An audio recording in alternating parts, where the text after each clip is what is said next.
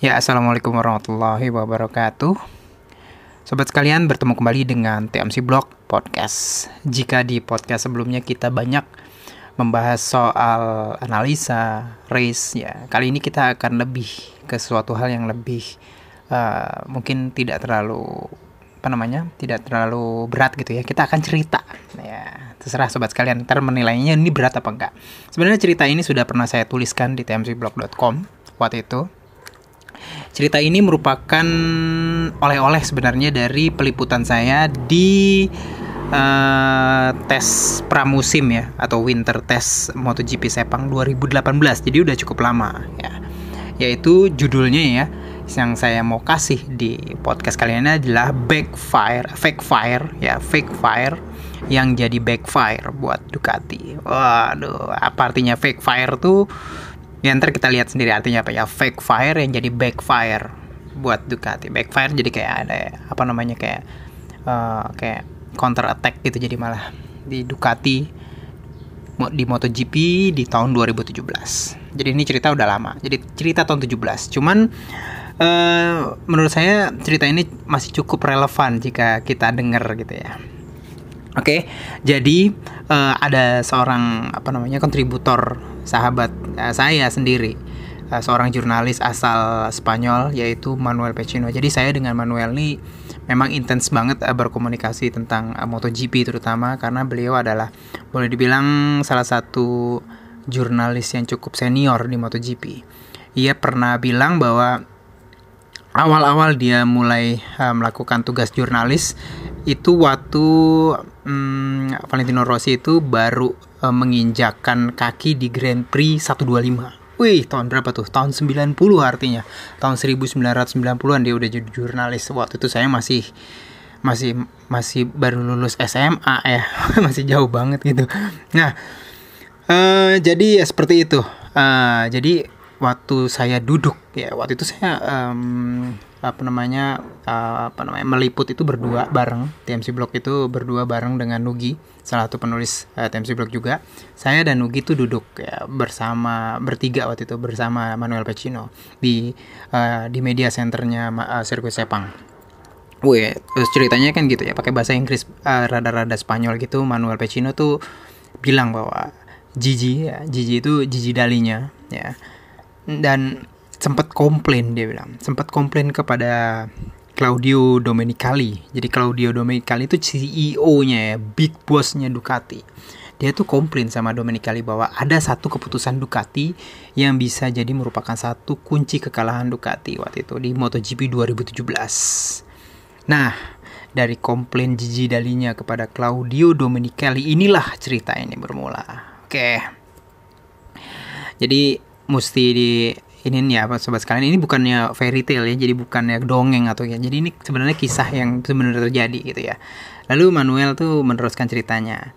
Jadi di satu ketika sebelum MotoGP memasuki era single ECU ya dan single elektronik jadi MotoGP itu pertama kali masuk uh, unified ECU dulu. Jadi ECU-nya sama walaupun elektroniknya berbeda.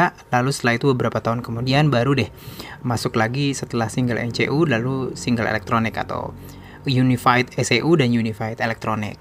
Nah jadi pada saat itu ceritanya nih Ducati melakukan 100 strategi gerakan bawah tanah yang boleh dibilang hampir nggak banyak yang tahu gitu. Dan nggak banyak diungkap atau banyak nggak banyak diceritakan di media-media karena uh, tahu bahwa si Ducati ini tahu bahwa Magneti Marelli akan jadi salah satu kunci untuk membedakan antara menang dan kalah di tahun-tahun mendatang. Jadi sebelum ini nih ya ceritanya jadi sebelum kita agak-agak flashback ke belakang. Jadi Magneti Marelli kuncinya adalah eh, Magneti Marelli Magne, Magneti Marelli ya Magneti Marelli ini adalah sebuah brand brand yang uh, banyak uh, memproduksi produk-produk elektronik untuk motorsport gitu ya. Baik ECU maupun softwarenya dan juga kayak pernak-pernik kecil kayak uh, intelligent measure uh, apa IMU itu. Lupa saya nama kepanjangannya apa. Uh, lalu macam-macam dah gitu. Pokoknya elektronik semua. Nah, jadi Magneti Marelli atau MM ini akan jadi salah satu kunci yang membedakan menang atau kalah. Wah, gitu. Lalu di tahun uh, setelah itu mereka kayak melakukan satu apa namanya satu satu gerakan bawah tanah yaitu dengan cara menyusupkan ya. Salah satu teknisi rukinya Ducati yang masih belia pada saat itu ke Magneti Marelli. Ya mereka masukin ke Magneti Marelli. Gitu. Ducati sama Yamaha memang semenjak dulu gitu ya terutama Ducati dikenal sebagai pabrikan yang walaupun sebelum era single ECU adalah pabrikan yang banyak menggunakan ECU da buatan dari Magneti Marelli. Tapi paling paling deket uh, hubungannya sih memang Ducati. Sementara Ducati kan uh, base-nya di Bolonya sementara Magneti Marelli itu base-nya di Milan. Jadi uh, jaraknya tuh saya udah pernah tuh antara Bolonya dan Milan itu sekitar berapa jam ya? Dua jam tiga jam uh, perjalanan darat. Nah, itu dekat hitungannya gitu gitu dan deket juga ke uh, tempat tes mereka di Misano gitu ya. Jadi itu dari Milan terus ke Bolonya terus habis itu dari Bolonya ke Misano itu memang satu jalur gitu satu jalur panjang gitu. Panjang lama banget untuk buat naik mobil. Itu namun ternyata ya, buat Ducati lamanya kolaborasi mereka dengan Magneti Marelli di musim-musim terdahulu itu terasa kayak belum cukup.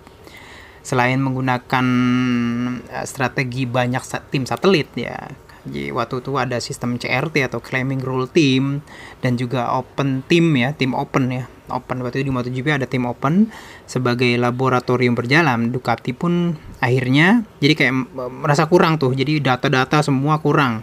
Walaupun dia sudah timnya banyak banget di CRT team dan di open team, data-data menurut mereka masih kurang juga. Nah, caranya mereka melakukan strategi bawah tanah dengan cara melakukan operasi penyusupan. Wih, ngeri juga itu ya dengerin operasi penyusupan. Yes.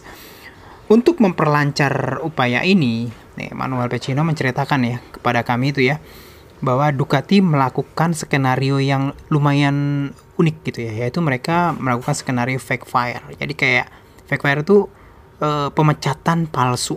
Wah, jadi ini mereka tuh seakan-akan dipecat gitu. Jadi ada staff-staff mudanya tapi yang cukup cemerlang dia tahu Ducati itu cukup cemerlang. Itu di di di dipecat secara secara apa namanya apa namanya mereka sengaja secara sengaja cuman ada tujuan lain di bawah di balik itu gitu ya. Jadi staff-staff muda ini dipecat agar bisa masuk ke Magneti Marelli dan akhirnya memang ahli-ahli elektronik ini nanti kita akan sebutkan namanya ya uh, masuk dalam jajaran staff Magneti Marelli dan mereka tuh wah, intens di sana dan menyedot banyak ilmu mengenai elektronik di, per, di perusahaan yang akhirnya menjadi penyuplai tunggal ECU dan elektronik software MotoGP sampai saat ini nih 2019 dan juga nanti 2020. Singkat cerita, uh, seperti kita ketahui semenjak pindah dari software in-house in-house ya in-house itu software in-house itu software yang dikelola dan dikembangkan dan diciptakan di dalam pabrikannya sendiri gitu ya softwarenya itu. HRC atau apa namanya perusahaan balapnya Honda Honda Racing Corporation gitu ya. Mereka pindah ya dari in-house HRC ke software Magnet Magneti Marelli Honda boleh dibilang manufaktur yang paling paling boleh dibilang paling uring-uringan ya waktu itu pada saat pindah ya dari software in-house ke softwarenya Magneti Marelli. Ya kalau Ducati memang awalnya softwarenya memang nggak jauh dari software Magneti Marelli. Yamaha juga uh, dikembangkan based on Magneti Marelli mereka ECU-nya. Jadi mungkin rada-rada deket pada saat itu. Nah Honda ini jauh banget uh, eh, ECU-nya ECU HRC terus habis itu uh, softwarenya HRC terus mereka pindah ke Magneti Marelli itu paling uring-uringan segrid start boleh dibilang banyak banget cerita bahwa setelah preseason 2016 uh, garasi garasi uh, pitnya HRC itu nyala lampu ya sampai tengah malam. Artinya apa? Jadi walaupun selesai tes mereka tetap terus-terus bekerja di dalam pit garage gitu ya walaupun nah, tim-tim lain tuh udah pada pulang ke hotel, mereka semua mencoba untuk mengejar ketertinggalan dan kebutaan Honda terhadap ECU dan algoritma software yang sama sekali baru buat mereka. Dan akhirnya, seperti kita ketahui bersama, hadirlah strategi teknis di motor-motor ya uh, di motornya Honda RC 213V ya setelah itu walaupun memang belum terlalu fokus banget ke elektronik jadi kayak misalkan kita tahu waktu itu ada perubahan uh, rotati rotasi ya rotasi atau putaran crankshaft dari awalnya Honda RC 213 itu tuh pakai forward rotating crankshaft ya jadi FRC gitu ke depan. Jadi forward rotating crankshaft itu e, ngebayanginnya adalah putaran crankshaftnya itu searah atau sama dengan putaran roda. Jadi gitu. Jadi putaran crankshaftnya atau apa namanya crankshaft tuh yang di bagian bawah gitu ya itu sama putarannya ya bandul bandul ya bandul crank yang di bawah itu sama dengan putaran ban. Jadi kalau ke depan ya ke depan gitu. Nah mereka mengubah dari forward rotating crankshaft menjadi backward rotating crankshaft kalau kalau sobat sekalian masih ingat waktu itu ya. Jadi kalau backward rotating crankshaft itu arah putaran itu berkebalikan dengan uh, arah putaran roda yang ke depan. Jadi kalau roda itu muternya kebayang ya, kalau ke depan tuh kayak gimana caranya? Nah, pada saat seperti itu mesin uh, crankshaftnya muternya terbalik, ya berkebalikan arah. Jadi seperti itu. Namanya dengan backward rotating crankshaft. Itu dimulai tahun 2016. Setelah itu berkembang lagi. Uh, setelah merasa kurang hanya dengan mengubah uh, rotasi dari crankshaft, HRC mengubah sampai firing order ya. Uh, order apa namanya? Uh, order itu apa namanya tuh pengapian gitu ya apa namanya? Order itu jeda-jeda pengapian itu pengapian dari apa namanya? dari empat empat silinder itu dibeda uh, berubah gitu ya dari awalnya screamer menjadi screamer itu biasanya jarak antara ledakan itu uh, boleh dibilang tuh uh, dek, apa namanya jaraknya itu sama. Sehingga kalau misalkan sobat sekalian ngerti gitu ya di antara der der der der der terus terusan sama maka kalau dikencengin itu akan jadi kayak orang melengking. Makanya disebut juga dengan nama screamer. Sedangkan waktu itu mereka mengubah dari screamer menjadi big bang. Big bang itu kayak ada satu ledakan besar bang bang bang gitu. Jadi kalau kalau screamer itu meng kayak, orang teriak tapi kalau big bang itu lebih ke ada kayak impuls-impuls bang bang. Kenapa? Karena kalau di firing order atau atau apa namanya timing pengapian yang uh, continue itu kalau dicepetin kan akan jadi continue gitu ya. Sedangkan kalau big bang itu ada dua ledakan yang biasanya dua ledakan di di apa namanya di ruang bakar itu berjalan itu berdekatan. Jadi kayak deng deng deng deng deng deng deng deng gitu. Jadi kalau misalkan screamer itu ya kalau dipelanin banget jadi bunyinya deng deng deng deng deng deng deng deng deng. Itu kalau dikencengin jadi kayak orang scream kan kayak orang teriak. Nah tapi kalau big bang itu kayak deng deng deng deng deng deng jadi kalau dikencengin itu atau dicepetin tuh ya tidak tidak kayak orang scream gitu. Jadi kayak ya kayak big bang. Jadi namanya namanya disebut juga dengan big bang. Jadi kayak ada ledakan bang bangnya terpisah-pisah gitu. Jatuh lebih diskret orang bilang seperti itu. Nah selain berusaha keras melakukan berbagai perubahan teknis untuk membuat RC213V lebih nurut dan matching dengan Magneti Marelli, maka HRC ini melakukan strategi lain yaitu berusaha mencari satu orang Magneti Marelli yang bisa mereka hire untuk jadi staff elektronik mereka. Nah, dilalah ya, sengaja, entah sengaja atau enggak nih ya, korban dari fake firingnya Ducati yang awalnya di di di fit ke MM lah ya ke Magneti Marelli lah yang menjadi rekrutan teknisi HRC tersebut. Nah, jadi kayak gitu tuh. Tentunya dengan backing pendanaan yang kuat ala sultannya HRC gitu. Jadi eh, tapi ya uh, tapi kalau nggak salah sih ya jadi waktu saat Honda merekrut uh, teknisi dari Magneti Marelli ya yang awalnya itu merupakan apa namanya tuh pelaku eh, bukan pelaku ya yang awalnya merupakan salah satu bagian dari strategi Ducati ya dengan fake firing. Itu Honda nggak tahu bahwa teknisi-teknisi uh, tersebut adalah teknisi-teknisi yang awalnya uh, sengaja di fire di, di di apa namanya dipecat dari Ducati untuk bisa belajar di Magneti Marelli. Jadi mereka Honda juga nggak tahu.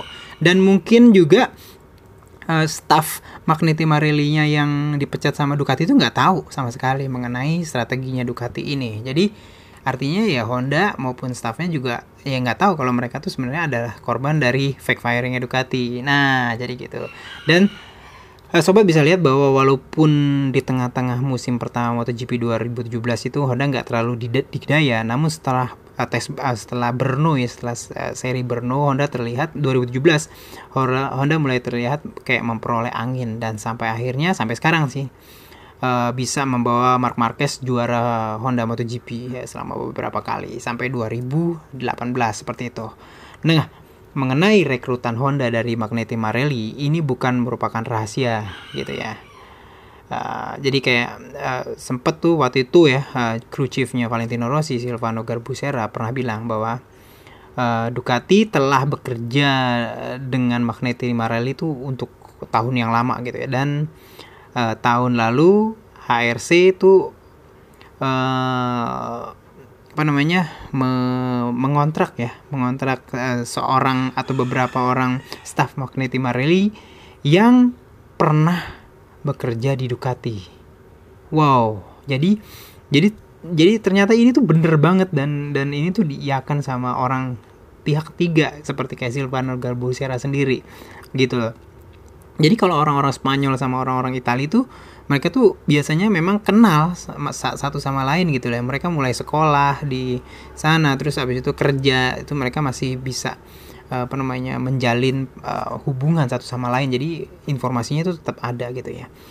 Nah, jadi kayak kayak begini tuh hasilnya ya apa gitu lesson learnnya atau hal yang bisa kita pelajari yang kita di kita peroleh itu ada kayak ada apa namanya segitu gedenya gitu ya upaya HRC untuk bisa merengkuh takhta juara 2017 waktu itu. Bukan hanya perubahan strategi teknis di MotoGP ya di motornya gitu ya kayak perubahan rotating crankshaft terus habis itu timing pengapian. Lalu mereka juga meng-hire pembalap yang boleh dibilang cukup uh, apa namanya nggak umum gitu kayak Mark Marquez. Lalu ada waktu itu ada developer rider yang yang smart banget kayak Dani Pedrosa dan Crutchlow. Lalu manajemennya waktu itu lihai banget kayak Shuhei Nakamoto Tetsuro Kuwata dan waktu itu masih ada Livio Supo. Sampai ke titik paling bawah yaitu rekrutan anak-anak muda cerdas. Tiap tahun dari Universitas Tokyo dan universitas lainnya Jepang plus rekrutan untuk menggait penyusup kayak itu. Jadi menggait penyusupnya Ducati ke Magneti Marelli mereka sikat duluan. Gitu.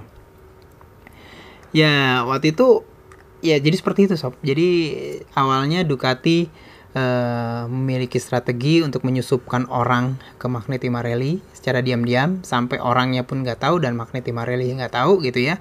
Namun akhirnya Honda mengambil orang yang di uh, rekrutan tersebut ya ini gitu rekrutan namanya. Orang yang disusupkan tersebut deng, uh, dengan uh, dengan mungkin dengan dengan kekuatan finansialnya yang udah pasti ya untuk bisa apa namanya bekerja di HRC nah jadi seperti itu. Dan walaupun kayaknya HRC sendiri nggak tahu bahwa itu adalah salah satu uh, project penyusupan yang dilakukan oleh Ducati. Jadi seperti itu sob. Nah namun cerita ini nggak berhenti sampai di sini waktu itu ada kayak KTM ya KTM kan waktu itu merupakan tim baru ya memperoleh kemudahan full konsensi udah pasti. Jadi sepanjang musim mereka bisa dengan leluasa mengganti mesin ngubuk-ngubuk mesin ngoprek-ngoprek mesin gitu ya. Bisa pindah dari screamer ke big bang macam-macam gitu ya. Dan ternyata KTM pun memiliki pemikiran serupa dengan HRC untuk melakukan akselerasi pengembangan ini sob. Gitu.